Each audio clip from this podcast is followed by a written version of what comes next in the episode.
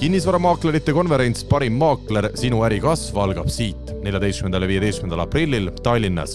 kaks päeva, kuusteist esinejat. tule kohale ja õpi praktikutelt. piiratud arv pileteid on müügil www.parimmaakler.ee. kinnisvaramaakler, sinu äri kasv algab siit ja kinnisvarajutud järjekordne podcast on eetris, Pop-up stuudio on laua peal lahti laotatud ja saatejuhid Algis Liblik ja Siim Semiskar, tere Algis! tere Siim! kuidas läheb? Kuule, tänan küsimast, päike paistab, ilm on ilus õues, tead kohe sihuke elu on lill, et ei, ei saa kurta. ahah. ma mõtlesin, panen ühe, ühe luulerea ka, aga ma ei hakka panema siia, et las see jääb kuidas, kuidas kinnisvaraturg on? kuule, kinnisvara, kinnisvaraturg on ähm, selline äh, ebastabiilselt äh, stabiilseks muutunud, et, äh, et noh, kuidas, mis see nagu tähendab, tähendab seda, et müügikorterite puhul on on veidi vaiksem, üürikorterite puhul business as usual, et et ei, ei oska nagu midagi väga, väga välja tuua, et müüki võiks muidugi rohkem olla. nii palju tarkust siis sinu sees ongi? noh, see on nüüd väga üldistatult, et ma, kui hakkaksin süvaanalüüsi sulle tegema, siis me ilmselt nagu tänase külalise juurde ei jõuakski. just, õige, meil on täna külaline ja täna me räägime tegelikult flip imisest ja vähe sellises äh, suuremas mahus flip imisest, kui näiteks mina seda teinud olen või mõned meie külalised. meil vist sellises mahus flipijat ei olegi käinud selle sada kakskümmend pluss saate jooksul. päris nii tõsist tegijat vist ei ole, ei ole käinud jah, aga siis saamegi kohe teada, kuidas need asjad tegelikult käivad. ja noh, selles mõttes on, äh, ma ise ootan väga huviga, sellepärast et noh ütleme, viimased kaks aastat, kui siin rahvasport käis ja kõik ostsid ja flip isid, eh, siis elu oli lill. praegu turg, just alguses ütlesime, on, on nagu rahulikumaks muutunud, siis saab kohe huvitav olema kuulata, et kuidas, kuidas sellised professionaalsed ettevõtted, kes nagu flip imisele spetsialiseerunud on, et kuidas, kuidas praegu käsi käib just, ja ma siis juhatan meie külalise sisse ka, et Skandi Kodu OÜ kinnisvaraarendusjuht Daniil Karmatjuk, tervist! tervist! et te teete oma asja sellise nii-öelda kaubamärgi alt nagu skandi.ee, on mul õigus, eks? jah. ja minule te jäite rohkem silma niimoodi, et eh, mul on eh, Valdekus üks üürikorter ja selle naaberkorteri te siis tulite nii-öelda päästsite ära, et mul, me oleme siin saates korduvalt rääkinud ka, et mul elas seal üks, üks tore naaber pikki aastaid ja nüüd enam seda naabrit ei ole seal ja siis. sõid see, välja või? mina ei söönud välja, ta ise ise lahkus. ja siis äh, nüüd see korter, ma ei tea, kas on renoveerimisel või juba renoveeritud ja müügis, kuidas teil on see? tegelikult ta äh, just sai äh, valmis, et äh, paar, nii äkki see oli esmaspäev esmaspäeval panime selle uued pildid, et äh, täitsa valmis korter. Täna What? siis nii-öelda info korras kolmapäeval salvestame, et kaks päeva tagasi läks ülesse, Siim, saad ära osta siis, et äh, ja. hakkad korterikaupa ostma. hakkan endale naabri, või tähendab, tulen endale naabriks. jah, et ostad järjest ära seal ja siis on varsti maja käes just, aga hakkame päris otsast, otsast minema, et kirjelda palun oma sõnadega kuulajatele, et eh, millal ja kuidas Skandi Kodu OÜ alguse sai ning millega te siis nagu igapäevaselt tegelete?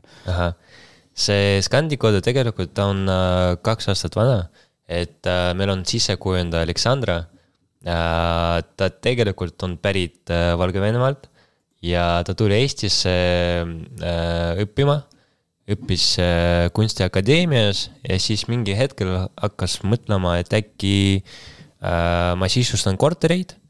siis äh, tal läks, no ta tegeles sellega, tal läks hästi ja siis ta mõtleks, miks mitte oma ettevõtet asutada ja flip ima tegutseda. vot, ja noh, niimoodi sai see Skandikoda alguse. The rest is history ja kuidas äh, nii-öelda ülejäänud seltskond sinna sattus ja kuidas sina sinna sattusid? Uh,? no tegelikult uh, nii, seal, no Fred on, nad on abielus, et uh, siis uh, Maria uh,, see Fred ja Aleksandra, neil oli nii hästi läinud, sest nad hakkasid mõtlema, et uh, äkki võtame ühe töötaja veel. Ja soovitati Mariat. siis äh, paar kuud edasi mõtlesid, et äkki on vaja veel, veel ühe töötajat endale juurde äh, leida, siis äh, soovitati mind. Ja mis nii-öelda sinu, sinu taust kinnisvaras enne oli äh,? elasin seal muud tausta ei olnudki? ei olnudki. okei okay., no lihtsalt siis sa tundsid Mariat kuidagi või, või no.? jaa, ma tundsin Mariat ja meil oli üks tuttav, kes tegelikult soovitas äh, teda ja, ja mind ka pärast. ühesõnaga, mitu inimest teil siis igapäevaselt äh, nii-öelda tegevuses on? nii, tegelikult äh, meil on äh, umbes äh,, no sõltub ajast, kakskümmend, kakskümmend viis inimest. Need on siis koos ehitusmeestega? ja, ja okay. kindlasti, et äh, seal on neli inimest, kes üldse ehitusega ei tegele äh,. aga nojah, kakskümmend, kakskümmend viis. okei okay,, ja sina ütlesid oma rolliks siis või tähendab kus mul see kirjas oli nüüd kinnisvaraarendusjuht, et mis see siis konkreetne sinu töölõik on, mida sina teed äh,? ma teen kõike, välja arvatud, et et ei ehita? ei ehita, jah see on väikeste ettevõtete nii-öelda iga argipäev, et kõik teevad kõike, on ju, et kui, kus midagi vaja on, aga, aga on teil kuidagi ära jaotatud nagu tööülesanded ka, et ma ei tea, keegi tegeleb konkreetselt nagu öö, objektide otsimisega, keegi on siis see, kes öö, nii-öelda käib äh, ehitusmeestega objektil, on ju, arutatakse mm -hmm. läbi, mis on vaja teha või mismoodi see pool teil korraldatud on?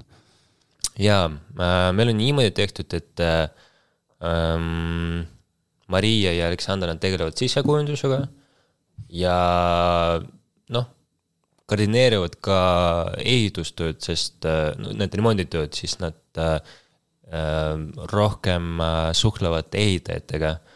Mina vastutan selle eest, et ma otsin äh, objekte, ma ostan neid äh,, ma müün neid äh,, ma teen äh, korteriplaanid äh,, ma, ma siis saadan need plaanid, kui seal on ümberehitus, siis tegelen sellega, noh, natuke rohkem äh, sellised äh, tehnilised asjad võib-olla.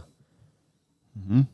okei okay,, aga noh, me ilmselt jõuame võib-olla sinna nagu detailidesse, et, et meil neid küsimusi tegelikult Siimuga päris palju, äh, päris palju ette valmistatud, aga, aga praegu noh, rääkisime sellest turu olukorrast, on ju, et äh, siin ütleme aasta tagasi, kaks aastat tagasi sina ei olnud siis veel ettevõttega seotud, ma saan aru, aga, aga noh, siis oli suht raske raske ju nii-öelda häid objekte leida, et kuidas praegu olukord on, et äh, pakkumiste arv on aastaga aastatagusega võrreldes siin peaaegu kahekordistunud, et äh, ja, ja müüjad on jälle valmis nagu hinnaläbirääkimisi ka pidama, et kas on elu lihtsamaks läinud, kui sa võrdled nagu eelmise suvega äh, võrreldes?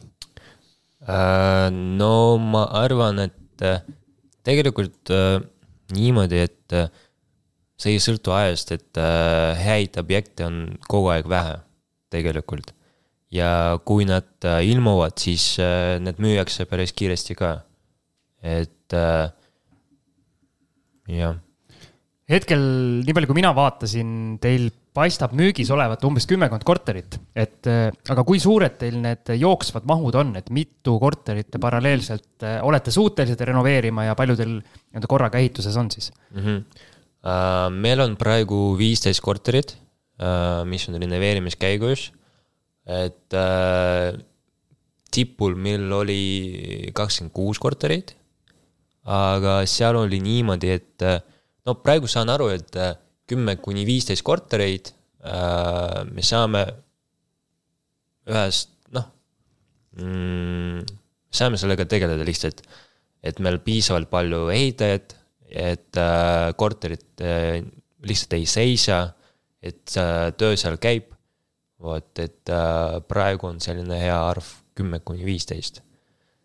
vot Teil eh, nii-öelda tundub, et te tegutsete üle kogu Tallinna, aga on teil nagu mingi lemmikpiirkond ka mm? -hmm. tegelikult meil on päris palju neid äh, väikseid asju, äh, mida me vaatame, mida jälgime, et maest sõltub ka korterist, mis on planeering, kas, kas seal meil õnnestub mingi lisatoa teha või midagi sellist.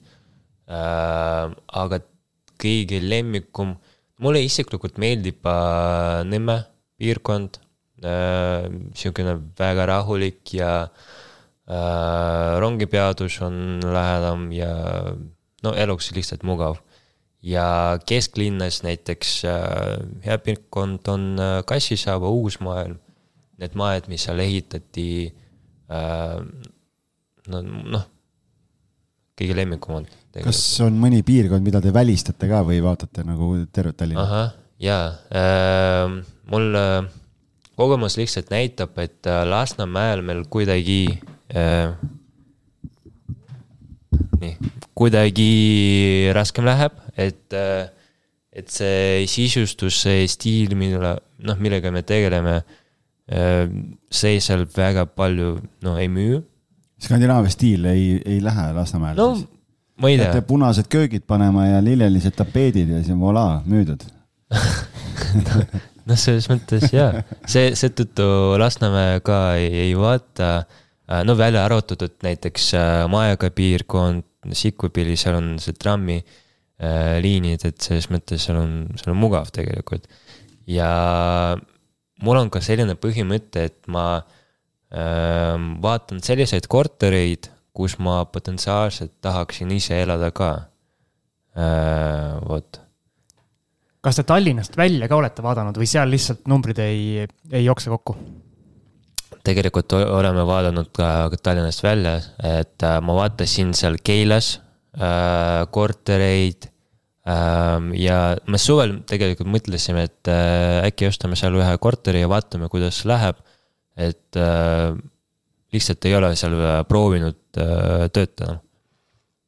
Ähm, ma ei usu, et seal numbrid ei lähe kokku, et kui sa adekvaatse hinnaga ostad äh,, renoveerid, siis pärast müüd, ma usun, et seal on kõik hästi, aga lihtsalt Tallinnas on piisavalt palju objekte, et selles mõttes siin on päris palju tööd ja, ja võimalusi, et äh, praegu Tallinnas on piisav. on mul õigus, et te vaatate nii-öelda neid nõukogude aegseid paneelmaju ja selliseid tüüppkortereid mm? -hmm.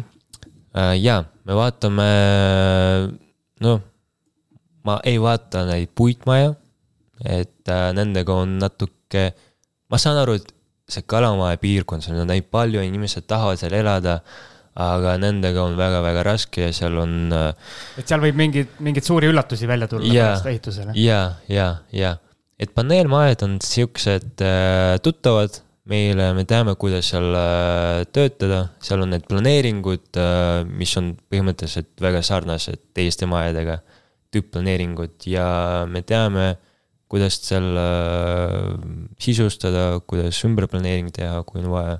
et kuidagi lihtsalt tuttav ja, ja arusaadav. ma vaatan teil kuulutusi ja mul hakkas sealt kaks asja silma, esiteks on see, et äh, ma saan aru, et te mingeid nagu korruseid nagu välistanud ei ole, et teil on nii esimese korruse omasid kui viienda korruse omasid ja ka noh, kõike muud loomulikult sinna juurde siis, et, et selles osas te kuidagi nagu ei tee, et äh, või noh, ma ei tea, ma vaatan, et a la kuueteistkordsesse majja või kahekümnekordsesse majja kuskile Õismäele nagu, et, et ei võta, et enamus on sellised ikkagi viiekordsed majad mm. -hmm. ja, ja õige, et äh, viiekordsed majad, et lihtsalt on selline tunne, et seal on äh, kuidagi rahulikum, et äh, ma ei vaata need äh, majad, mis, kus seal on äh, kuusteist korruseid või midagi sellist et.... mis, mis see põhjus seal taga on, et miks te ei vaata mm,? Ma ei tea, et äh, lihtsalt äh, nagu varem ütlesin, et meil on selline põhimõte, et valime, valime selliseid korterid, kus tahaksime ise elada mm. -hmm. et äh, ma ei tea minu meelest need, äh, need päris kõrged majad, need kaksteist ja pluss korrust, äh, seal ikkagi see, juba see objekti nagu müügihind ka on piisavalt madal, et võib-olla seal ei ole siis seda nii-öelda kasumit sees flippimisel. võib see õige olla mm,? Nii palju, kui olen vaadanud äh, näiteks seal äh, Mustamäel need äh, või Õismäel need majad, kus on neliteist või kuusteist korruseid, tegelikult korteri hinnad on seal natuke suuremad, isegi kui korterid on viimased. -hmm.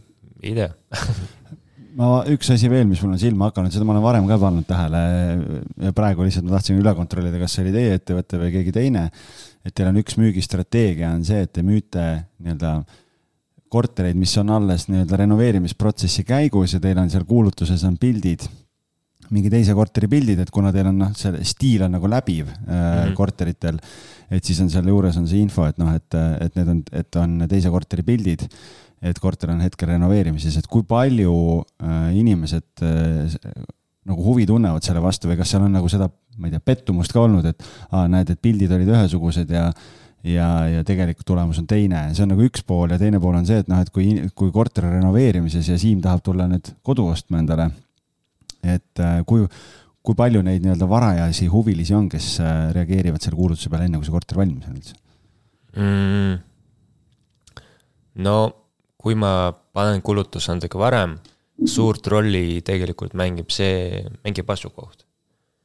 et äh, kui inimene otsib korteri kindlas piirkonnas ja ta näeb, et seal on, ilmub mingi paari kuu jooksul äh, mingi uus korter siis ta võib selle üle vaadata ja tegelikult äh, meil on niimoodi ka, oleme teinud, et äh, me valime selle korteri värvid äh, protsessis, et kui ilmub mingi ostja, kes on nõus broneerida korteri varem, siis läbi rääkime näiteks köögivärvid, seinavärvi, plaadi ja nii edasi, need siuksed väiksed asjad, et. Äh, et selline rätseplahendus on ka võimalik. kinnisvaraarendaja sugemed, et. no ja, ja, ja, et, äh, et, et lõppvariant, lõpptulemus oleks selline, mida ta võib-olla oma peast äh, ette kujutas või. Aga lähme sinna korteri nii-öelda ostuprotsessi sisse, et ma saan aru, et sina oled see inimene, kes surfab portaalides ja neid kuulutusi otsib ja lõpuks neid kortereid ostab, et on mul õigus? ja, ja räägi siis kogu see nii-öelda ostuprotsess, et äh, võtad äh, müüjaga ühendust, kui palju sa allahindlust lähed küsima, lähed sa korraliku kirvega ikkagi, võtad kirve kaasa ja lähed, lööd sealt kohe kakskümmend prossa ära või? no mul on niimoodi, et äh, sõltub sellest, kui mu, kui ma olen kindel, et äh, me võime osta selle korteri selle hinnaga, mis on praegu portaalis, lisada oma kulud ja saame lõppvariantis äh, kasumit, siis miks mitte osta, aga ses mõttes iga kord äh, kogu aeg ma proovin äh, vähemalt äh, mingi summa äh, noh, soodustuse saada või midagi sellist. et äh, kuna näiteks suvel oli niimoodi, et äh, sa pead kiiresti reageerima, sa vaatad, äh, ilmub korter pead põhimõtteliselt kohe kohal olema juba. jaa, kohal olema ja kohe osta, et suvel oli niimoodi, et hinnad lihtsalt tõusesid, et ma ei tea, hull aeg ja. aga nüüd on lihtsam praegu? nüüd on lihtsam, nüüd sa oled niimoodi, et sa nagu ma ei tea, kuningas, lähed sisse, siis äh, vaatad, sul on päris palju kortereid ja äh, noh, ma tean, et on sellised inimesed, kes tulevad korteri hind on sada tuhat, nad pakuvad mingi viiskümmend tuhat ja siis uh, mõtlevad, et okei okay,, ootan uh, ma ei ole nii selline inimene, ma vaatan kõigepealt uh,, proovin mingisuguse adekvaatse pakkumise teha. et mul ei ole mõtet uh, väga odavalt seal uh, osta, et noh, arusaadav, et see on hea asi, kui sa odavalt otsa, ostad, aga meie töös kõige olulisem oleks äh, korterite arv, mis on protsessis. Äh, seetõttu jah. on teil mingid äh, nii-öelda enda jaoks või, või sinul siis paika pandud nii-öelda kasuminumbrid ka, et kui korteri ostuhind on selline, te ilmselt teate tüüppkorterite puhul, palju teil mm -hmm. ruutmeetri renoveerimishind on ja mis, mis mahus see kasum siis peab olema ja mille järgi sa seda müügihinda ennustad, et kuidas sa need numbrid leiad enda jaoks? Ehm, no näiteks äh, meil on sellised piirkonnad, äh, kus tegutseme kogu aeg ja seal äh, me teame, mis müügihind võiks olla selles korteris. muidu ma vaatan teisi objekte, noh, sarnaseid objekte, aga noh, see sõltub päris palju korterist, et meil on olnud korter, mis on kakskümmend kaheksa ruutmeetrit ja on selliseid, kus on äh, kuuskümmend viis ja noh, kolmetoalised, neljatoalised, et äh, tavaliselt see mm, arvestan kuussada kuni tuhat äh, eurot ruutmeetri kohta. renoveerimine mm, -hmm. see on päris suur number ikkagi. jah, koos sisustusega. aga täna ega väga odavamalt ei saagi, et me olemegi ise ka siin, kuna üks ehitusettevõte, keda me oleme kasutanud äh, on tihtipeale kinni, kui meil on vaja, on ju, tööd on ees kogu aeg, et siis, siis noh, äh, noh, lihtsalt jah, me oleme ka Tallinna poolel siin pakkumisi võtnud ja kipub sinna kaheksasaja, üheksasaja euro kanti see ruuduhind olema, et. jah, nii ta on. noh, lihtsalt seal on, ma ei tea siis, mis hinnaga te neid korterid kätte saate, aga noh, meie meie Excel on näidanud seda, et kui selle hinnaga nagu renoveerida, noh siis sealt nagu ei tee, ei jää seda kasumit väga, et noh, kas siis teie puhul siis ongi see, et eesmärk ei ole ühe korteriga teenida palju, vaid kuna sa ütlesid, et on palju korterid on protsessis, et siis pigem iga korteriga teenid natukene ja tegelikult kokkuvõttes selle mahu pealt see, see summa on nagu suur mm. -hmm. jah, on nii, tegelikult äh, on meil sellised kuud, kus äh, müüme näiteks kolm-neli kortereid ja siis kaks korterit äh, müüme kahjumiga. üks korter on okei okay kasvumiga ja see üks korter, mis noh, päästab selle kuud. okei okay.. vot. et see üldine rahavoog oleks nagu positiivne, et te vaatate, noh, et selles mõttes, et kõik, kõik asjad ei saagi õnnestuda alati, et äh, see on tegelikult päris huvitav, vaata sellepärast, et noh, kui me võtame Siim sellise noh, kuidas ma ütlen siis äh, nii-öelda hea, hea tooniga, sinusuguse klippija. et kui sa võtad selle ühe mustika ja teda kolm kuud äh, seal äh, silitad ja lihvid ja pahteldad ja möllad ja, ja saad valmis ja teed kahjumina, siis see on nagu fail. aga kui sul on kümme korterit korraga töös ja, ja sealt, ma ei tea, kolm tükki ebaõnnestub ja seitse tükki toovad nagu väikese kasumi, siis päeva lõpuks oled ikka plussis, et, äh, et selles plaanis see ongi see mastaabivahe aga kui te neid paneelmaju, maju teete või paneelmajade kortereid, me natukene puudutasime ka seda teemat, et, et vahest võib niimoodi olla, et te teete ikkagi sellist nii-öelda selles segmendis nii-öelda kvaliteettoodet, eks. hind on veidi kõrgem, tulemus on ilusam kui keskmine selline korter, on, on mul õigus, eks. kas on mõnikord olnud nii-öelda keeruline müüa ka, et näiteks on mingi maja, kus võib-olla see korter nagu ei mängigi välja no seetõttu äh, korteri ostmisel äh, ma vaatan selliseid maju, kus äh, see korter võiks noh. et sa üritad juba nii-öelda korteri ostul seda, seda probleemi vältida, jah? no ja, ja, et ma just tegelikult vaatasin eile ühe kulutuse, ma ei mäleta, mis piirkond seal oli, aga seal oli selline reklaamlaus, et superhind Need on alati need head laused. müüja jaoks super hind. jah, meie jaoks super hind.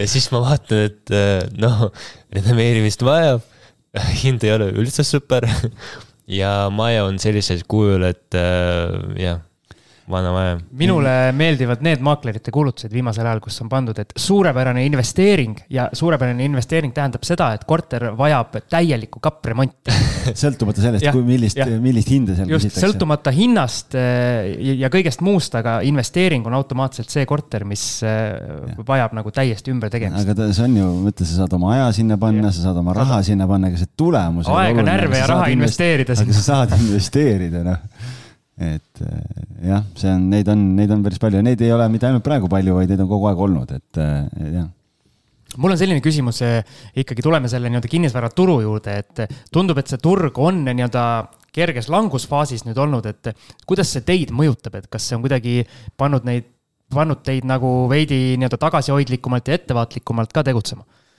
jaa, kindlasti, et näiteks äh, meil on äh, me kavatseme iga kuu kolm korterit müüa ja kolm korterit juurde osta. et näiteks septembris äh, selle tundsime mingi augusti lõpus, et äh, turg läheb alla ja kuidagi on natuke vaiksem. ja septembris, oktoobris me oleme ostnud ainult ühe korteri. et äh, novembris äh, veel ühe, siis detsembris on selline äh, oli selline tunne, et äh, noh, kuidagi stabiilsem läinud. ja siis äh, jah, praegu tegutseme äh, tavalises mahus. aga kuidas teil on teil nagu nii-öelda olnud mingite korteriga niimoodi ka, et no tõesti ostjat ei leiagi, et huvi ei ole või nii-öelda seisabki põhimõtteliselt riiulil ja mm -hmm. keegi ei taha? no sellega meil on, meil on lihtne, et äh, esialgne hind, mida me paneme kui inimesed äh, tulevad, huvilisi on palju, siis äh, saame aru, et see on õige, õige hind. ja meil ei ole mõtet selle hinda kaua seal üles hoida. et meil on mõtet kindlasti müüa korteri, et, et, et rahavoog oleks. et kui huvi ei ole, siis te kohe tõmbate hinna, nii-öelda hinnas alla, jah? no muidugi, jah. mis see nii-öelda, vot siin ongi mul kaks küsimust, et üks on see, et mis see ajaline äh, aeg, mis te, mis te olete arvestanud ühe korteri kohta, et kui kaua renoveerimine aega peaks võtma, on see, ma ei tea, kaks kuud, kolm kuud, neli kuud, mis see aeg on mm? -hmm. no ideaalis see võiks olla kaks kuud ja, aga praktika näitab, see on äh, tavaliselt noh, kõige kiiremini on kaks kuud, kõige pikem aeg meil oli mingi kuus-seitse kuud. mis seal juhtus? ei, mitte midagi, ma ei tea, lihtsalt ma ei tea aeglane töötaja okay.. ja siis teine küsimus on, et kui palju te müügi peale siis arvestate, et sa ütlesid, et noh, et katsetame, et kui huvi ei ole, tuleme kohe hinnas alla, et noh, mis ajaga see korter müüdud peab saama siis, et sa ütlesid, et rahavoog peab peal olema kogu aeg, et mm, -hmm. et äh, on seal ka mingi aeg teil enda jaoks eesmärk pandud? Um,? no meil on selline eesmärk, et uh, ühe korteri jaoks uh, meil on üks kuu müümiseks et kui müüme ühe kuuga selle korteri, siis noh, see on okei. Okay.. vot, aga kindlasti ma vaatan seda, et ähm, kas on huvi või ei ole. kas on vaja alandusi teha või ei ole, kuidas seal äh, üldse turg on praegu, kas hinnad lähevad alla või tõusevad või jäävad samaks või vaatan seda ka ma arvan, et teeme vahelisi ühe väikese kõllipausi ja, ja joome vett, algis. ja joome head lumiorava vett, nii et tervitame oma toetajat ja, ja oleme varsti tagasi.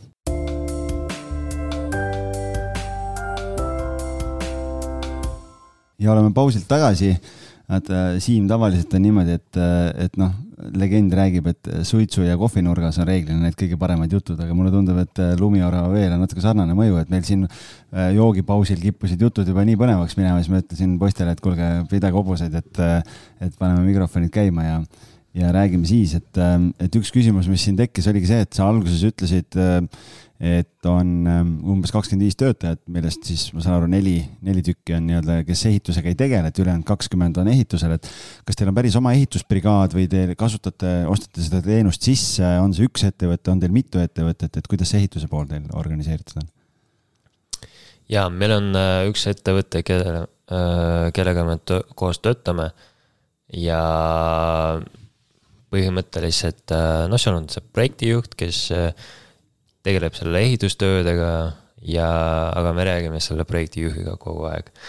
et äh, noh, nii-öelda me tellime selle teenust ja ähm,, ja meil on üks ettevõte, suvel proovisime veel ühega äh, töötada, aga saime aru, et see on väga-väga raske äh, hea partneri leida ja, ja otsustasime, et äh, proovime ikka seesamaga edaspidi töötada ja kui on vaja näiteks äh, rohkem ehitajaid, siis äh, lihtsalt äh, aitame otsida neid.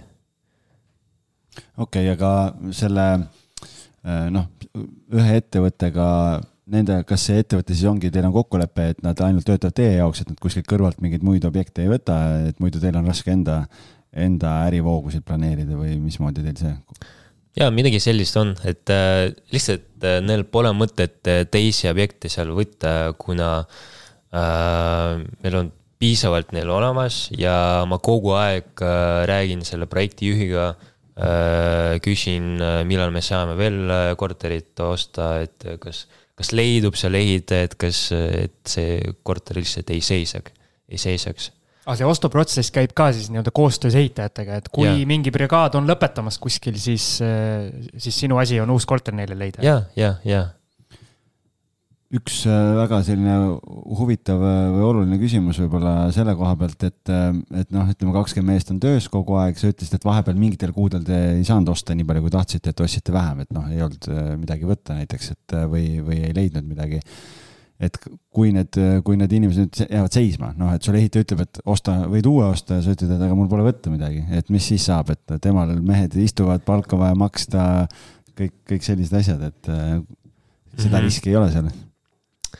Jaa, seda riski on äh,. tegelikult meil oli niimoodi, et meil oli äh, kolm inimest äh,, kes äh, töötasid ja äh, nad töötasid väga hästi Äh, meil oli, äh, nad tegid ühe korteri kapitaalremonti, neil võttis selleks äh, kaks kuud kvaliteet oli hea, kõik on oli hästi ja see korter oli müüdud äh, kahe kuu pärast, et äh, see oli selline äh, hea tulemus ja oktoobris jah, polnud kortereid, siis me ütlesime, et noh, või võite oma peredega seal aega veeta, puhata natuke ja siis ähm, nüüd ei tea, kus nad on et äh, juhtub ka niimoodi, aga noh, pole hullu. Kas need ehitajad, kes sellel ehitajal kõik palgal on, on need siis tema enda ehitajad või ta nii-öelda võtab alltöövõttu ka, tead sa seda ka? see on tema ehitaja, et ta on väga selline, tal on suur kogemus, ta põhimõtteliselt teab, missugused ehitajad ta endale otsib. Äh, ja ta on selline väga selektiivne tegelikult Äh, ja noh, kõikide in inimestega, kellega ta töötab, äh, nad äh, oskavad oma tööd päris hästi teha. Mul tuleb siin meelde see esimene kogemus, kui ma tulin kinnisvarasse, kui me One Home'is olime ja ostsime siin Tallinn, Riia, Kaunas, Vilnius ostsime kortereid, on ju, ja siis meil oli peatöövõtja oli Eesti ettevõte. Ja, ja noh, temal oli siis ülesanne, et kohalikes linnades, kus korterid on, et tema kas see on see lugu, mida sa oled juba korduvalt rääkinud? ei, noh, lihtsalt no, üldist pilti, et, et lihtsalt see, et, et leida koha peal alltöövõtjad ja no ei olnud väga lihtne leida, et, et vaat noh, kui erinevates linnades teha, siis seda manageerida on nagu oluliselt keerulisem, et, et Tallinnas kõik sujus tal nagu ülihästi ja, ja oli ka väga korralik brigaad ja asjad. aga kuskil teil lõhuti korter ära? jah, aga nii kui hakkad nagu suuremaks äh, minema ja kuskile laienema, et siis seda nagu kuskilt äh, niimoodi manageerida on nagu keeruline, et, äh, et, et jah, seal meil oli päris markantseid lugusid Lätis ja Leedus, aga nendest ma olen varem rääkinud, et kes, ma ei mäleta, mis saadetes need olid, aga, aga ühesõnaga, et et, et see hea ehitaja olemasolu on ikka nagu üli-ülioluline kogu selle äri õnnestumisel mm. -hmm no aga ma siit küsingi, et eh, mis eh, flip imise juures kõige suuremad nii-öelda väljakutsed on ja mis see kõige nii-öelda, kõige tähtsam protsess on, on see ostuprotsess, kus võib-olla see nii-öelda kasum lõpuks ikkagi tehakse, on see ehitusprotsess, kus see nii-öelda kvaliteedi pead tagama? Või on see müügiprotsess, et ikkagi korralikult eh, nii-öelda kliendile kõrge hinnaga see toode ka saaks maha müüdud? Mm? -hmm jaa, ma arvan, et äh, kuidas öelda, see on nagu supp kõikidest nendest asjadest, mis, millest sa praegu rääkisid, et äh, kõik need asjad on väga olulised. ja on väga kurb, kui sa ostad, okei okay,, olgu, see on väga hea korter, aga sa ostsid selle korteri väga suure hinnaga ja sa raiskad oma aega, sa raiskad äh, raha ja siis äh, sa saad aru, et äh, sul on hea korter, mis, kus on tehtud hea remont, aga sa üldse seal äh, ei teeni mitte midagi. et äh, ja noh, see viga oli esimeses protsessis, esimeses etapis, see ostu, ostuetapp, et aga kas siis vaadatakse sinu otsa, et Danil, et mis, miks sa sellise hinnaga ostsid no tegelikult see oli, noh äh, see pigem on selline kollektiivne äh, otsus, kui me ostame korteri. Äh, et ei ole niimoodi, et aa, sa ostsid selle korteri suure hinnaga. aa, et kõik peavad nii-öelda, kõik peavad nõusoleku andma, et siis te ostate või kuidas teil see, see no, protsess on? meil on niimoodi, et äh, tüdrukud tegelevad sisekujundusega ja siis mina ja Fred tegeleme selle ostuprotsessiga no kui sa leiad mingi objekti, numbrid töötavad, põrgatad Fredile ka ja tema ütleb, et jaa, tundub hea või, või sul on nagu ainuvoli otsustada, et jah, ma nüüd leidsin ja lähen ostan ära ja kõik, et. no see on jah, see on rohkem, rohkem nagu lihtsalt fakt, et äh, hei Fred, ma leidsin selle objekti, et äh, ostame ja kui ta on äh, okei okay sellega, siis, siis ostame. no mõnikord juhtub ka teistpidi. vot kas te teate, kas eh, siin Tallinnas eh, või üldse Eestis on mõni eh, selline flip imise-ettevõte veel, mis sarnaste mahtudega tegeleb? on teil mõni selline otsene konkurent? jaa, äh, see on meie konkurent ja samas nad on meie sõbrad ka. Äh, nad äh, teevad ka Skandinaavia stiilis art homes. sõbralik konkurent, jah? selles mõttes jaa, aga ma alati ütlen, et kõik need inimesed, kes vaatavad meie kortereid ma ju, no praktika näitab, et nad ei osta nende kortereid. et äh, tegelikult stiil on sarnane, aga potentsiaalne klient on, on, on erinev kuidagi. no aga räägime siis, milline teie potentsiaalne klient on, on see, on see nii-öelda tüüpiline või klassikaline koduostja või satub teil nii-öelda üüriinvestoreid ka sekka ähm,? mõnikord äh, investorid ostavad ka, aga enamus klientidest ongi äh, need inimesed äh,, kes ostavad enda koduks ja, või isegi esimene kodu. et äh, päris tihti on juhtunud niimoodi, et no ma tavaliselt aitan ka näiteks laenu saamiseks, ma räägin nende protsessidest, kuidas see üldse näeb välja, mis hindamisakt on ja nii edasi. Et äh, pigem jah, need inimesed, kes ostavad endale esimest kodut ja midagi sellist sa oled korduvalt nii-öelda maininud seda, et te teete Skandinaavia stiili mm. -hmm. kui sa noh, okei okay,, raadios on nii-öelda pilti keeruline kirjeldada, aga kui sa kirjeldaksid, milline see teie stiil on, et äh,? see on selline stiil äh,, ma rääkisin meie sisekujundajaga. Ta ütles, et tegelikult Skandinaavia stiil on äh, on äh, pärit, äh, nii-öelda, Skandinaavia mehed käisid seal Jaapanis, vaatasid, kuidas nad teevad seal asju ja äkki see oli, see oli nende inspireering või midagi sellist.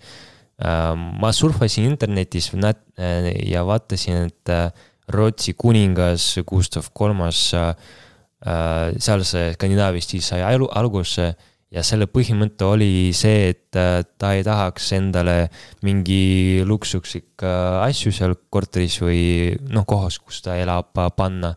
ta tahas äh, pigem äh, kuidagi lihtsam sisustada, aga maitsega ja, ja et oleks loodusele lähedam nii-öelda. et tegelikult see on meie stiil, et me kasutame need valged Skandinaavia värvitoone, siis äh, meil on äh, põhimõtteliselt äh, väga lihtne sisekujund, noh, sisustus, aga, aga maitsega, midagi sellist. kuidas sisustusega, see tuleb IKEA-st või kombineerite kuskilt erinevatest kohtadest? Äh, no sellega tegelevad tüdrukud, äh, neile meeldib asju osta, et äh, nad käivad no,. see on küll, see on küll üllatus tervitame kõiki naisi ja, et mõni mööbel tuleb IKEA-st, mõni mööbel nad toovad Rootsi, Soomest, et nad käivad seal poodides, väiksetes poodides. meil on mõned poodid siin Eestis ka kus nad otsivad need kuule, aga väga oluline küsimus tegelikult on äh, ka see mööbli, mööbli pool ja see logistika pool selles osas just, et kui, kui teil on nii palju kortereid kogu aeg töös, et, äh, et kas see mööbli tellimine ja paigaldamine käib jooksvalt või on teil endal mingi ladu, kuhu te tellite ära, et oleks valmis, nii kui korter valmis saab, siis kohe on asjad võtta, et, et seal on ka kuidagi teil see nii-öelda plaan on natukene pikem või, või teete käigu pealt mm? -hmm. ja plaan on natuke pikem, et meil on ladu kus, äh, kus see mööbel seisab. et äh, kui tüdrukud lähevad, ma ei tea, välismaale, vaatavad, et äh, hind on hea, mööbel on hea, siis ostavad kindlasti ja siis äkki paari kuu jooksul see mööbel läheb korterisse sisse, sisse. sest see on ju oluline, et vaata, muidu on niimoodi, et tahad, oled ära planeerinud, tahad midagi ja siis võib-olla on otsas, on ju, et, et, et siis on nagu oluline teada. ma mäletan Vaneumi aegadel, meil oli ühel hetkel vaja mingi neljakümne korteri äh, IKEA mööbel tellida korraga. IKEA läks katki või? see oli ikka raju, see oli raju, et, ähm, et ähm, mingite rekkate asjadega too aeg Eestis ja äh, veel ei olnud ja, ja Lätis alles alustati ja siis mingi Soomest tellisime mingi rekkatega kuskile Lätti ja Leetu ja noh, see oli, see oli tohutu, tohutu peavalu, on ju, et täna on ikka elu nii palju lihtsamaks läinud, et, et saab kõik koha pealt kätte kust te köögid võtate ja, ja kas nii-öelda mingid asjad teil on kogu aeg samad, et kogu aeg sama köök äh, või, või seal on ka mingi varieerumist um,? no kõigepealt me planeerime, kuidas on köögis paigaldatud äh, need äh, tehnika ja siis vaatame, kui palju ruumi on üldse seal köögis olemas korteris.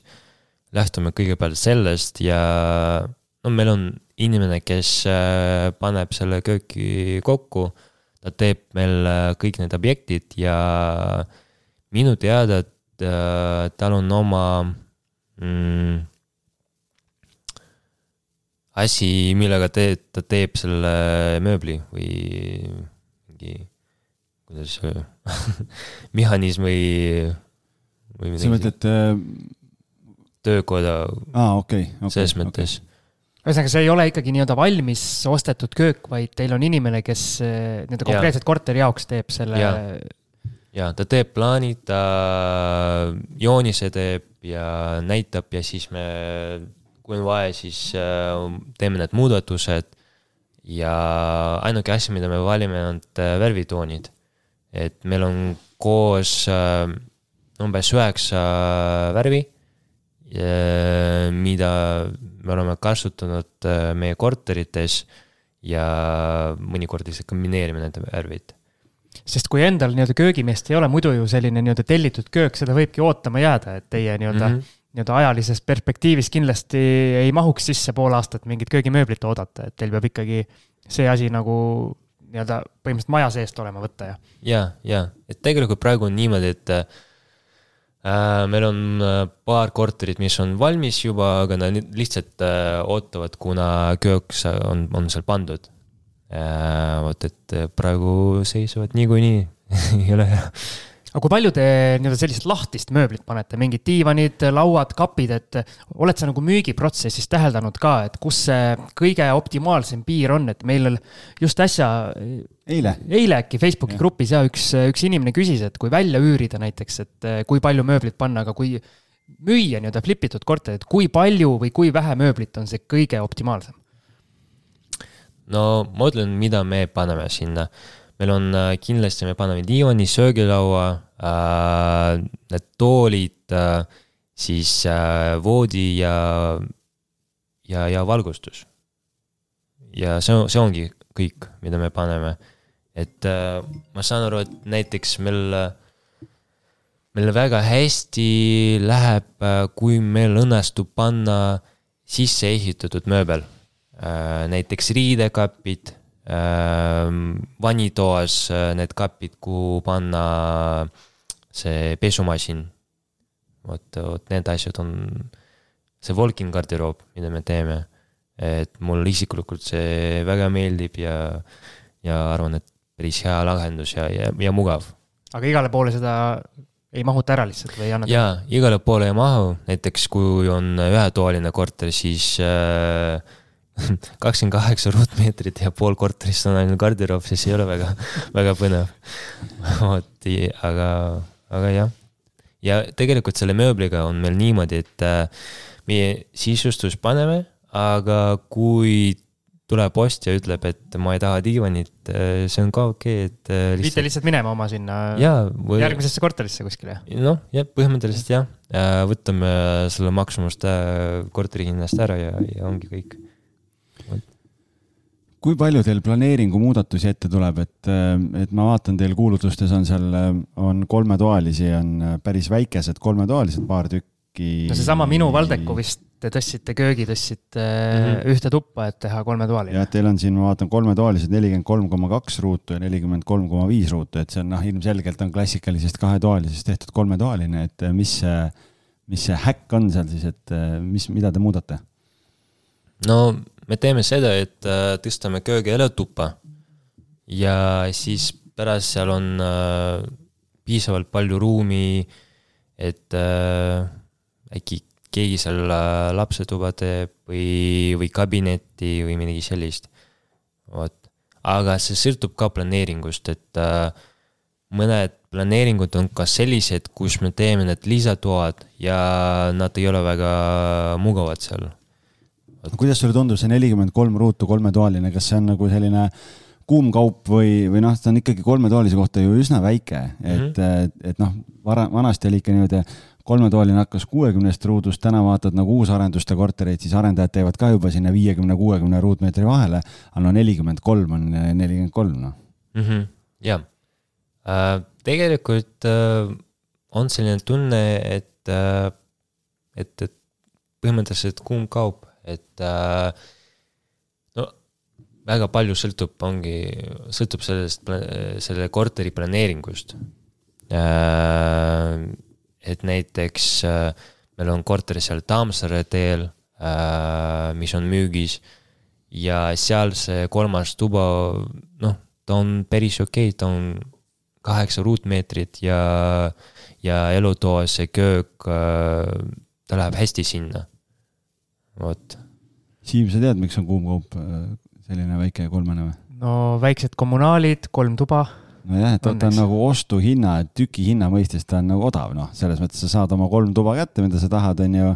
aga, aga ta ei ole noh, iga ruutmeeter ekstra on ju, ma ei tea, kolm tuhat eurot, noh, et siis tee lihtsad arvutused, viisteist, viisteist ruutmeetrit suurem korter ja, ja sul on nelikümmend, viiskümmend tuhat on kohe hinnal otsas aga ma tahtsin küsida, et kas te seda kööki äh, liigutate siis, kui kõik need äh, nii-öelda ühendused, veed ja, veed ja kanal on nagu mugavalt toodav või te olete nõus nagu suuremaid ümberehitusi ka tegema, et äh, vedama vett kuskilt päris kaugelt ja, ja niimoodi? ja ma küsin siia juurde kohe, et kui suur peavalu see on kooskõlastada seda korteriühistuga?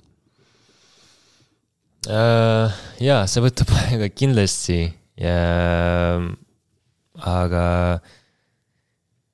ja on sellised, tegelikult meil mõned korterid olid sellised, kus äh, meil oli vaja panna pumpa äh, kööki, et äh, vee oleks seal. Ja no, no sellega on vaja lihtsalt tegeleda. Um,. aga see on tegelikult hea asi, see lõpptulemus on, on hea et mulle isiklikult meeldib, kui mul on üks, üks tuba, kus ma saan äh, oma asjaga tegeleda või kabinetiks teha, aga jah, lihtsalt mugavam. aga kas, oletame, et te nüüd nii-öelda tõstate köögi, köögituppa, teete kahetoalist, kolmetoalist, kas te peate ainult korteriühistuga selle, selle kokku leppima või peab kuskile, ma ei tea, Tallinna linna ka mingid paberid hakkama saatma ja kuidas see kõik asi käib? Jaa, et äh, meil on vaja selleks teha projekti, et seda kooskõlastada kindlasti. ja kui see on kooskõlastatud, siis äh, hakkame tegutsema. kui kaua see kooskõlastuse protsess aega võtab umbes?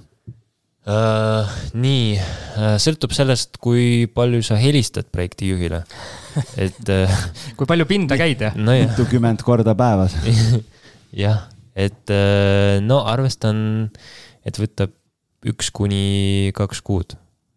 olete te kuskil, ma ei tea, kas siis ühistu on vastu olnud või ei saa seda, sellele projektile kinnitust või mis iganes, kuskil protsessis keegi ütleb ei ja jääbki tegemata? on juhtunud niimoodi uh,? viimasel aastal ei juhtunud meil just praegu üks selline case on laual, kus äh, üks kinnisvarajuttude kuulaja võttis ühendust meiega ja, ja, ja siis äh, nii-öelda aitame tal selle ühe korteri ära renoveerida ja pärast paneme üürile ka ja haldame ära. ja siis äh, seal on, see on väiksem maja ja seal on äh, see korteriühistu esimees või esinaine siis on tohutu pujään ja nagu ei ole küll ta, elektrit on vaja juurde osta, ta ei ole nõus allkirja andma, kui on vaja, et siis kui on keegi, noh, et erinevad protsessid, kus temal on vaja nii-öelda ära kinnitada, siis ta töötab vastu, täiega töötab vastu ja lõpuks ei jäänudki muud üle, kui me lihtsalt andsime kliendile eh, kontaktid ja, ja palusime nagu nii-öelda juristide abi. Ja nii kui, nii kui tuli ametlikult mingi selline noot, et ta tegelikult ei ole ühtegi õigust eh, niimoodi takistada seda protsessi, siis hakkasid asjad liikuma kohe, aga sinnamaani nagu inimene lihtsalt kõigele vastu lihtsalt ja, ja noh, see on, see ei ole ainukene lugu ju, Tallinnas neid ja kogu Eestis neid selliseid näiteid on küll ja veel, et, et see, te seda ei karda kuidagi, et äkki kuskil jääb äh, jääb protsess tohutult toppama, sellepärast et ei saa ühistuga kuidagi jutule? no jah, tegelikult see üks töö eesmärk ongi probleemide lahendamine. Ehm, et sellega on vaja lihtsalt tegeleda, et miks mitte proovida, et äh, me iga kord proovime vähemalt äh, selle ümberplaneeringu teha, et meil tegelikult, ma, mul tuli meelde, meelde, et äh, ükskord äh, me panime kinni seal äh, gaasitoru, et, et teha seal köögist ühe tuba. aga et see korteriühistu esimees tuli korteri sisse ja ütles, et tegelikult ma ei taha, et siin et teil oleks siin indukatsioonipliid või elektripliid ja meil oli vaja tagasi selle gaasi sinna panna ja tegime seal gaasipliidi. vot, ja seetõttu korteri planeering ka muutus. vot, et on olnud selliseid tegelikult juhtumeid, aga, aga suurem osa neist on nii-öelda edukad projektid. millega ta põhjendas seda, et, et ta ei taha, et, et ära vahetate, gaasitoru kinni panete? noh, seal oli ka meie viga, et äh, ma ei vaadanud seda, et äh, et kui kasutada korraga külmkapp, äh, ma ei tea, pesumasin ja pliidi, et äh, viskab lihtsalt ära. okei okay., et elektriprobleem oli, oli see põhjus nii-öelda? no jaa, elektriprobleem, et äh, jah, see peamine põhjus tuleme korra selle Skandinaavia stiili ja müügiprotsessi juurde, on, äh, on sul olnud selliseid kliente, kes tulevad korterit ostma ja vaatavad, et no, et muidu on kõik ilus, aga ma tahaks ikkagi kärtspunast kööki ja rohelisi kardinaid ja kollast seina, et muidu ma ostaks, aga see selline Skandinaavia hele stiil, selline nii-öelda tagasihoidlik, et see ei ole minu maitse, et miks te sihukesest, sihukest kärtsumat asja ei tee? Ei, mul on sellised inimesed olnud. miks te nii ilusa teete? Nad vist ma... ei tule, nad vist sellise kuulutuse peale ei tule siis üldse kohale? jaa, ma arvan, et ei tule, aga no mul mõnikord helistatakse või meile kirjutatakse selle, et, et teete ilusa asja ja nii edasi, aga tegelikult on, oli paar inimesi, kes kirjutasid, et et see on, ma ei tea, skämm või midagi sellist, et et, et miks nii selline lahendus teil on seal selles korteris, et äh, kui ma teeks, ma teeks niimoodi. vot, et. Hakkasid õpetama sind. see on ju hea turuinfo, noh, soovitatakse kohe, saab paremini teha. jah väga huvitav. aga selliseid kirju tuleb teil palju või? no mul oli siin ühe, üks korter, mis meil valmis sai ja, ja väga hästi õnnestus, siis ma jagasin sisekujunduse jutunurk või mis see Facebooki grupp on, jagasin sinna ja ja siis äh, noh, sealt tuli ka seinast seina tuli nagu arvamusi ja ühed ütlesid, et vau, et noh, et kui ilus ja nii hästi tehtud ja teised ütlesid, issand jumal, on ju, et noh, et kukub pikali, et noh, kes sihukest asja teeb, on ju. et noh, maitse asi, aga siis hakkasid tulema neid küsimusi, et kust see lamp pärit on ja, ja kust umbes sellist, äh, sellist äh, diivanit saab ja noh, mingeid selliseid küsimusi tuleb teil palju või? no selle sisustuse kohta ei ole palju küsimusi, aga meil on selline asi kui me planeerime selle vannitoa, äh, meil on vaja otsustada, kas seal tuleb dušinurk või vann. ja see on selline küsimus, äh, seal üldse pole õiget vastust. et ma, iga nädal mind, minu käest küsitakse, et aga miks te panite siia vanni või mis te, miks te panite selle dušinurka. et noh, ma ei oska selle küsimustele üldse vastata aga meil on lihtsalt selline praktika, et äh, kui seal on piisavalt ruumi vanni, siis paneme vanni, kui ei ole, siis. ma just tahtsingi küsida, et kumb korter siis paremini läheb, kas vanniga või dušiga oleneb, oleneb kumb, kumb kellele meeldib, eks. ja, ja, ja. et, et ei ole nagu niimoodi aru saada, et oh, et vanniga või niimoodi, et äh, et kuidagi noh, ma ütlen lihtsalt näiteks, et noh, vaata, ma ei tea, a la kolmetoalisi on selliseid, kus äh, kolmetoaline on juba, kus on võib-olla, ma ei tea, üks või kaks last mm -hmm. peres on ju, ja siis, kui on väiksemad, siis on nagu hea, kui on vann on ju, või või on selline, ma ei tea, kolmetoalistel reeglina ei ole veel äh, saunasid, et kui on saunaga kolmetoaline, siis see on juba selline lisaväärtus jälle. et kas, et, et sa niimoodi ei oska siis välja tuua, et kuidagi kahetoalistes nii-öelda välja joonistuks, mina müügi puhul ei ole ka küll aru saanud, et see sõltub ikkagi hästi inimesest ja vajadusest, et. Äh, nojah, et kolmetoaline, kui kolmetoaline korter on, siis no rohkem kui viiskümmend, ma ei tea, viis ruutmeetrit, siis pigem potentsiaalne klient ongi see perekond ja sinna kindlasti on vaja vanni panna. aga, ja see ühetoalised seal tegelikult äh, lihtsalt sul pole ruumi vanni kohta. no me oleme neid ühetoaliste igasuguseid kuulutusi näinud, seal on. vann võib olla ju elutoas ka vabalt või pliidi kõrval. ja, ja või, või ongi, et äh, duširuum on, äh, on kohe pliidi kõrval, et vahepeal seal kartuleid praadida ja, ja samal ajal. meil ju ringles mingi kuulutus, kus mullivann oli pandud elutuppa, et täitsa okei okay lahendus. nojah, ma nägin ühe kahetoalise korteri, kus köök oli esikus ja ma olen ka, ma, ma olen isegi vaatamas käinud niimoodi, et astud äh, välisuksest sisse ja, ja oled kohe pliidi, nii-öelda pliidi ees, et hakka süüa tegema kohe, et. no see on päris ropp lahendus, sellist ju ei teeks Teil on kahetoalised ja kolmetoalised kõik, et üheseid, neljaseid äh, üldse nagu ei ja, rääkisime, üheseid on ka teinud ju. nojah, aga, aga suuremaid, et nagu seda poolt ei vaata üldse. Äh, vaatan kindlasti, aga meil oli üks neljatoaline vist müügis. et äh, ma ei tea, lihtsalt äh, sõltub sellest, missugused korterid pakutakse. kui pakutakse neljatoaline, seal on hea hind, et äh, noh, okei okay,. aga kolmesest neljaseid teha, nagu kahesest teete kolmeseid. äh,. veel kord? no kui kahetoalistest, te olete teinud kahetoalistest kolmetoalised, jah, on ju, et kolmetoalistest neljatoalisi ka olete teinud või? ja oleme teinud ka selliseid kortereid. vot äh, aga see vanni ja duši jutt, mina sain nii-öelda vanni, vanni kasulikkusest aru alles siis, kui mul lapsed tulid ja siis ma nagu mõtlesin, et kui, kui nendega oleks pidanud seal dušinurgas jagelema, siis äh, see oleks ikka katastroof olnud. ja ma olen nõus, ma olen nõus. aga me oleme siin üsna palju rääkinud, et te olete teinud seda ja seda, aga palju teil kortereid siis üldse käe alt läbi on käinud kogu selle aja jooksul? oskad mingit numbrit öelda? nii äh,. Mul on selline, mul on statistika, äkki see on viimane üks ja pool aastat ja me oleme teinud äh, kuskil kuuskümmend korterit, et oleme müünud. äkki. natuke rohkem võib-olla isegi. poolteist aastat on kaheksateist kuud, see on Viis. ikkagi, Äh, neli, ei ole. kolm korterit kuus ikkagi jah. nii nagu sa ütlesid, kolm-neli korterit. On teil siis mingi nii-öelda oma notar, kelle juures te kogu aeg käite või sa oled ilmselt kuskil notarites päris selline igapäevane külaline? no vist ei ole, aga kui meil on, kuna meil on inimesed, kes äh, ostavad korteri pangalaenuga, siis äh, tavaliselt pankadel on oma notarid ja, ja nad valivad äh, selle enda aega. Kas te tellite ise alati hindamisakti ära ka, et teada, mis see lõplik tulemus siis on ja sellest tulenevalt hinnastate või, või jätate selle ostja teha ja sul on enam-vähem endal teada, et noh, ma olen, ma ei tea, majakas teinud seitse korterit, et ma tean, mis hind seal on. Mm -hmm. kuidas see pool on?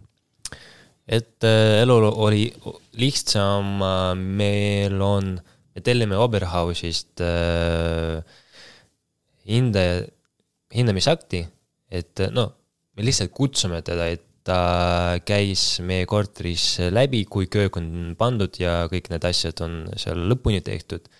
ja tavaliselt on meil niimoodi olnud, et äh, paneme korteri kuulutuse koos tema piltidega siis tuleb hindaja, hakkab äh, hindamisaktiga tegeleda ja siis paari nädala jooksul me leiame seal äh, no korterile selle uue omaniku ja selleks ajaks äh, see hindamisakt on juba valmis ja, ja see klient saab äh, Oberhausist äh, seda, seda kätte. ühesõnaga, te nii-öelda lihtsustate enda müügiprotsessi sellega, et te tellite juba varakult nii-öelda hindaja peale, et mm. -hmm. et ostjal oleks hindamisakt ja kõik olemas, et nojah, endal lihtsam.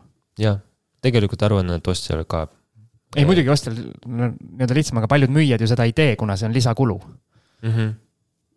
okei okay., oled sa nii-öelda isiklikult ka kinnisvarasse investeerinud, on sul mingi üüriportfell või midagi sellist? isiklikult ei ole äh, üüriportfelli, aga no rääkisin sellest küsimust ka juhatusega. Ja ta ütles, et äh, tegelikult äh, no miks nad tegelevad Scandikodu äh,, töötavad Scandikodus, sest äh, meil on äh, konkreetne nišš, meil on konkreetne asi, millega tegeleme ja konkreetne fookus et äh, flipimiseks ja see on äh, kõige põhilisem või, või tähtsam asi. et see on teie tugevus ja see, nojah, põhitöö. mis on peamised õppetunnid, mida sa tahaksid edasi anda inimestele, kellel on võib-olla ka nii-öelda omas, omas mahus huvi nii-öelda korterite flippimisega tegeleda? mm. -hmm. No ma arvan, et enne kui ma hakkasin äh, kinnisvaraga tegelema, ma mõtlesin, et äh, see maakleri töö on kuidagi väga lihtne, see müümine, Siim, flipimine. kuula, kuula nüüd. algis on meil maakler. no vot, see on, see on väga lihtne asi ja üldse noh, sa lähed, sa ei tee mitte midagi, sa teenid ja, ja. teed ukse lahti ja raha voolab sisse. no selles mõttes jaa, aga kui hakkasin sellega, sellega tegelema, siis sain aru, et äh, see ei ole väga lihtne asi, et tegelikult sa pead äh, ikka endast parimat anda, sa pead äh, korterit südamega tegeleda, tege-, tegema. et näiteks ma tunnen ka, et kui ma näen, et kui ma vaatan see ostuprotsessi, kui ma vaatan selle sisekujundaja tööd ja ma näen, et ta päriselt tegi siin tööd, et korter on jube hea, et kui inimesed tulevad korteri sisse, siis noh, sa, sa ei pea nendega pikalt sealt rääkima, nad, nad tunnevad seda ja nad tahavad selle korteri. aga see põhiline asi ongi see, et jah, südamega ja kui sa otsid äh, esimest objekti endale, ähm, meie Skandi soovitus võib-olla oleks see, et äh, see inimene võtaks raha mitte pere käest, vaid panga käest. et kui sa räägid pangaga, kui sa, kui pank on nõus sulle anda raha, kui ta nii-öelda usub, et see on, äh, see ei ole väga riskantne asi siis see on selline hea pluss või, või boonus või midagi sellist no vot, üks asi tegelikult, millest me üldse ei rääkinud, kuidas te oma nii-öelda äri olete kapitaliseerunud, et, et, et kas ongi nii-öelda pangarahadega, oli teil alguses eh, nii-öelda asutajatel mingi oma finantseering, millega siis alustati, et kuidas see nii-öelda rahaline pool on, sest ikkagi, kui teil on siin eh, kümme-viisteist korterit, on selline kõige nii-öelda mugavam koht, nagu sa ütlesid, kus olla ja vahepeal oli kakskümmend kuus vist oli maksimum, et see mm -hmm. ikkagi eeldab päris suurt kapitali ju. nojah, ongi nii, et äh, meil on äh, investorid, meil on äh, ma ei tea, hüpoteeklaen, Admiral Markets ja nii edasi, et sealt ka võtame raha. et erinevad kihid siis mm, -hmm. igalt poolt no? sealt, kust saab noh, selles mõttes jah, kui tingimused on head, siis, siis jah. viimane küsimus, jah? jah on sul ah,, mida, mida sa soovitaksid neile, kes sisimas tahaksid väga ka flip ida, aga ei ole julgenud alustada? on sul mingeid siukseid, et eh, noh, meil nii-öelda tavaliselt me küsime seda investorite käest, kes üüriäriga tegelevad ja mm, -hmm. ja nende põhisõnum on see, et lihtsalt hakka pihta kuskilt. et kas flip imises on ka see või, või ikkagi kuna see nii-öelda riskid on ikkagi päris suured, kui sa ei tea, mida sa teed, eriti veel mm. -hmm. et siis see, mis see, on sul mingit head, head mõtet anda ähm,? ma arvan, et no meil praktika näitab, et äh, sa võiks olla, võiksid olla ideaalne inimene, sa äh, võiksid äh, vaadata kõiki hindasid, sa äh, tegi mingi turuanalüüsi ja sa tead, et ahah, mul tuleb selline tulemus ma teen nii palju, ma müün nii kiiresti, et äh, tegelikult ootus peab olema äh, selline, et äh, et sa oled, sa pead olema valmis probleemidega tegeleda. et mis iganes objekt sul võiks olla, et kindlasti seal võib juhtuda mingi situatsioon, mida sa üldse pole oodanud ja sa pead kuidagi sellega tegelema. ühesõnaga, see vanasõna kehtib, et remont läheb alati kallimaks ja alati läheb kauem aega äh,. nojah, see on alati selles mõttes, et ma iga päev ma suhtlen ehitajatega, ma küsin, okei okay,, äh, millal see korter on valmis? ta ütleb üks nädal. siis, kui mul, minu käest küsib äh, klient, et äh, kui palju võtab see renoveerimine, siis ma kogu aeg äh, kahekordistan selle. sina ütled kliendile kaks nädalat, jah? jah, kaks nädalat. see on päris, see on päris geniaalne lüke tegelikult, jah. jah, jah, et siis on sul noh, kui see korter on valmis ühe nädalaga, siis sa oled õnnelik. Under see... promise over deliver, noh nii no, nagu müügis käib ikka, et. jah, jah. üks asi eriti USA-s on selliseid nii-öelda, nii-öelda flip'i show sid telekas või nii-öelda reality mm -hmm. show sid hästi palju. kas sa oled nende vaataja ka ja, ja kui sa vaatad, et kas see nii-öelda päris elu on hoopis midagi muud, kui seal nii-öelda saadetes näidatakse mm? -hmm. ma kunagi lugesin selle Ryan Serhant äh, raamatut, ta on äh, no päris tuntud äh, maakler ja inimene, kes USA-s tegeleb selle kinnisvaraga ja ta oma raamatus räägis sellest, et äh, kunagi ta, no inimesed filmisid seda, et mingi oli, mingi saade oli ja nad palusid, et lähme nüüd, no teed oma tööd ja me, me filmime sinu, kuidas sa teed selle tööd. ja, ja ta ütles, et äh, kui teda hakatakse filmima, siis äh, ta tegi oma asju üldse teistmoodi. et võib-olla saates äh, see näeb noh, teistmoodi kui päris elus. ja mingi hetk ma isegi vaatasin, mis seal toimub USA-s, et kuidas inimesed seal flip ivad ja seal on ju suured majad ja teised hinnad ja teine töö üldse et äh, selles mõttes, kui me ostame korteri, siis võib-olla seal on need äh, ainult sisestuse tööd ja mingi värskendusremont, äh, noh, mitte värskendus, kapitaalremont, aga kui ma võtan selle remonti ja selle remonti, mis tehakse näiteks USA-s, kus seal on. katused ja kõik vundamendid ja kõik asjad. ja mingid värgid jah. see on midagi muud jah? jaa, see on no aga mulle tundub seal reality show des nii-öelda pool ajast näidatakse seda, kuidas äh, kuskil poes vaieldakse, millist lampi osta, aga reaalsuses flip imises ikkagi suurem aur läheb ikkagi hoopis mujale kui nende lampide valimise peale. nojah. väga huvitav.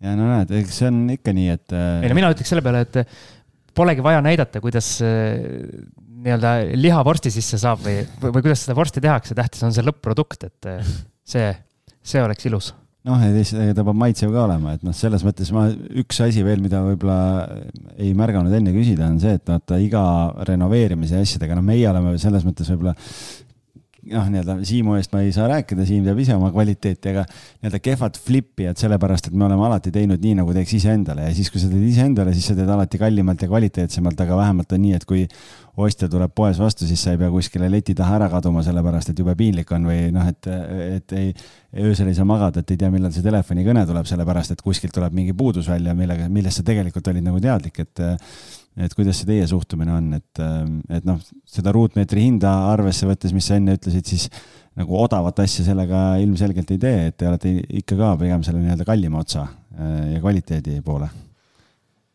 jah äh,, et meil on niimoodi oleme teinud, et äh, kindlasti ma vaatan seda, et äh, kõik tööd olid äh, hästi tehtud, et kõik etapid äh,, et kvaliteet oleks hea, et tegelikult noh äh,, meil on niikuinii kaks aastat, noh, selles mõttes garantiid, et äh, meil ei ole mõtet seal äh, teha niimoodi, et äh, kogu päev, iga päev pärast korteri müümiseks eh, on vaja seal läbi käida ja, ja noh, remondi teha, parandada midagi ja nii edasi. vot, et äh, ja tegelikult see on ka meie, minu töö osa, et äh, vaadata, mis seal objektide, objektidel toimub, et ja kuidas need tööd tehakse. ja kui on vaja Äh, paremini tööd teha või ümber teha, siis, äh, siis palun seda Siim, sorry, see, rääkisime, et viimane küsimus, aga mul hakkas nüüd nii palju küsimusi tulema, et tundub, et läheb veel, läheb veel pikalt, et et ma just tahtsingi, üks küsimus oligi, et kas teil on mingi nii-öelda sõltumatu järelevalve ka võetud, kes käib objektidel kogu aeg ja hoiab kätt äh, pulsil ja vaatab, et kõik oleks tehtud korrektselt või, aga siis ma saan aru, et sina oled see nii-öelda järelevalveametnik?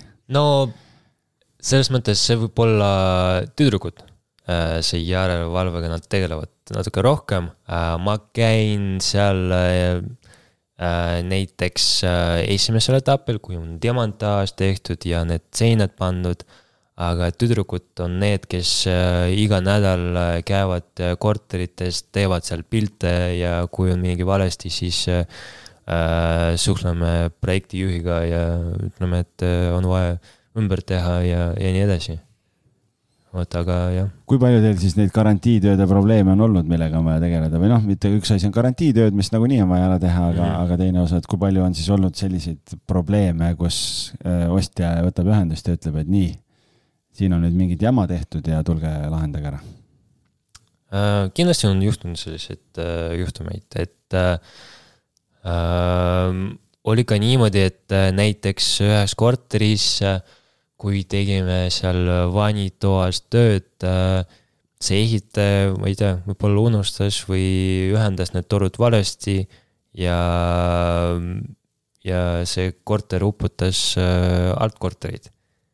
Ja oli vaja plaadi sealt ära võtta ja noh, veel üks kord äh, needsamad tööd teha et on kindlasti juhtunud selliseid asju, aga selleks on meil see järelevalve, et, et vältida. ja kui selline asi juhtub, siis äh, omakorda esitate nõude siis ehitusfirmale, kes äh,, kelle oma, kes oma kulu ja kirjadega selle peab ära tegema või?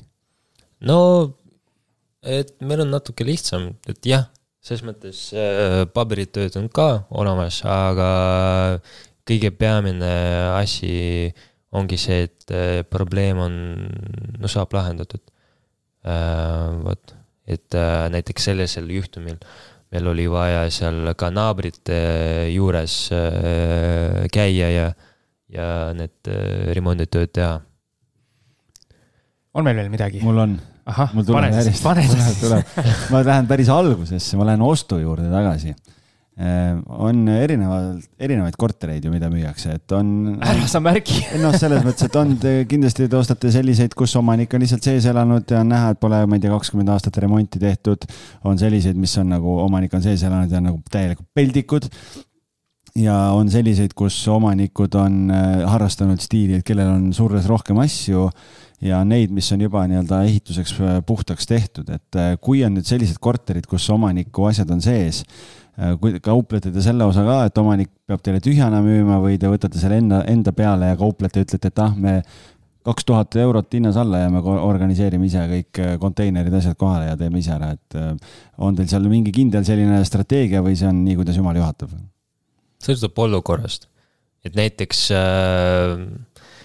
kui ostan korteri ja seal oli niimoodi, et äh, no näiteks vana inimene müüb makleriga oma, oma korteri, siis arusaadav, et ma, ma ei ütle talle, et äh, okei okay,, võta tööriistad ja töö puhtaks. Ja, ja, ja, et sõltub olukorrast kindlasti, aga ähm, oleme harjunud niimoodi, et äh, ideaalis äh, selle korteri, mis ostame, ta on tühi. et äh, see inimene, kes teeb selle demontaaži, ta saaks sinna kohe minna ja, ja tegutseda seal. aga on teil endal juhtunud, me rääkisime siin puudustest enne ja meil oli siin paar saadet tagasi oli varjatud puuduste teemal just saade, et kas teil on endal sattunud selliseid korterid ka, kus äh, ostate ära ja siis avastate, et, äh, et okei okay,, te peate nagunii puhtaks lööma ja ära tegema, aga noh, et mm. kus on ilmnenud mingid sellised suured vead, millega te võib-olla nagu esialgset ehituskalkulatsiooni tehes ei olnud arvestanud uh,?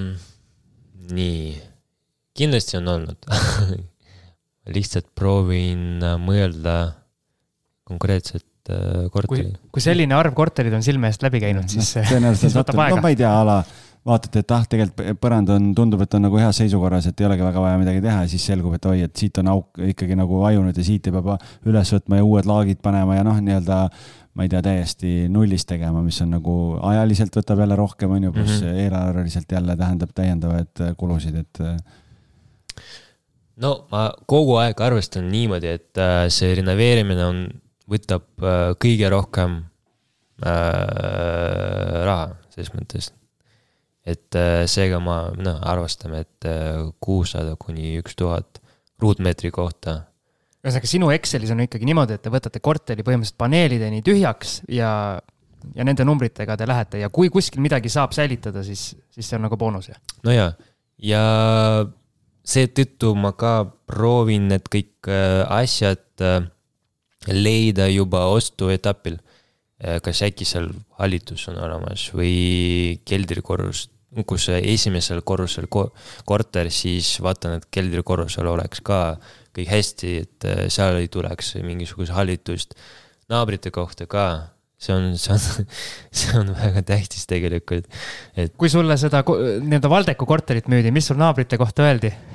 äh,. seal, kus minu see minu korter on. no selle, ma, äh, ma rääkisin ka sellest, et äh, see ei ole esimene korter, mis oleme seal äh, selles majas teinud äh,. ja kuna äh, eelmine korteriga oli kõik hästi, ma ei, ma ei mäleta isegi, kas ma küsisin naabritest, et ma lihtsalt olin ma uskusin, seal on kõik hästi, kuna see eelmine korter on seal, oli ostetud äh,. aga on juhtunud selliseid olukordi, kui näiteks äh, näitan korteri, siis äh, no see on näiteks Põhja-Tallinnas oli äh,. Seetõttu Põhja-Tallinnas ma väga palju kortereid ei vaata äh, või kui vaatan, siis äh, ma ei tea, koputan, uurin, et naabrid on, oleksid kõik äh, adekvaatsed ja, ja nii, ja nii edasi, ja nii edasi äh,. on olnud selline juhtum, et äh, näitasin korteri, kõik oli hästi, siis äh, läheme alla ja trepikojas äh, puhkab üks, äh, üks mees ja laulab äh, lauleid ja, ja nii edasi. no inimesel oli hea tuju hea tuju jah aga. lauluga, lauluga saab osta korteri ja aga selles majas enam ei, ei otsi korterit. mees siiamaani laulab seal jah, jah kas nüüd on kõik, Algis? vist on, kindlasti jäid mingid väga head küsimused küsimata veel, sest see on nii põnev teema, on ju, mille, millest võikski rääkima jääda, aga, aga igal juhul suur aitäh, et sa tulid et.... aga mul on üks soovitus teile, hakake ise ühte reality show'd tegema, et teil ju sellist materjali on kõvasti, jälle saate mingi korteri ostuprotsess, kaamera käib sul selja taga kaasas, käite notaris, siis eh, ehitusprotsess ja lõpuks eh, lõikate ühe, ühe korraliku seriaali kokku meile. Eestis oleks vaja sellist, sellist huvitavat sarja okei okay. teete ära Siim võtab autoritasu pärast ei, tegelikult hea mõte. see on ju nii-öelda turunduslikus mõttes ülihea no, ülihea asi. mul äh, noh, Youtube'is on nii palju videot, nii paljud need äh, blogid, vlogid ja nii edasi.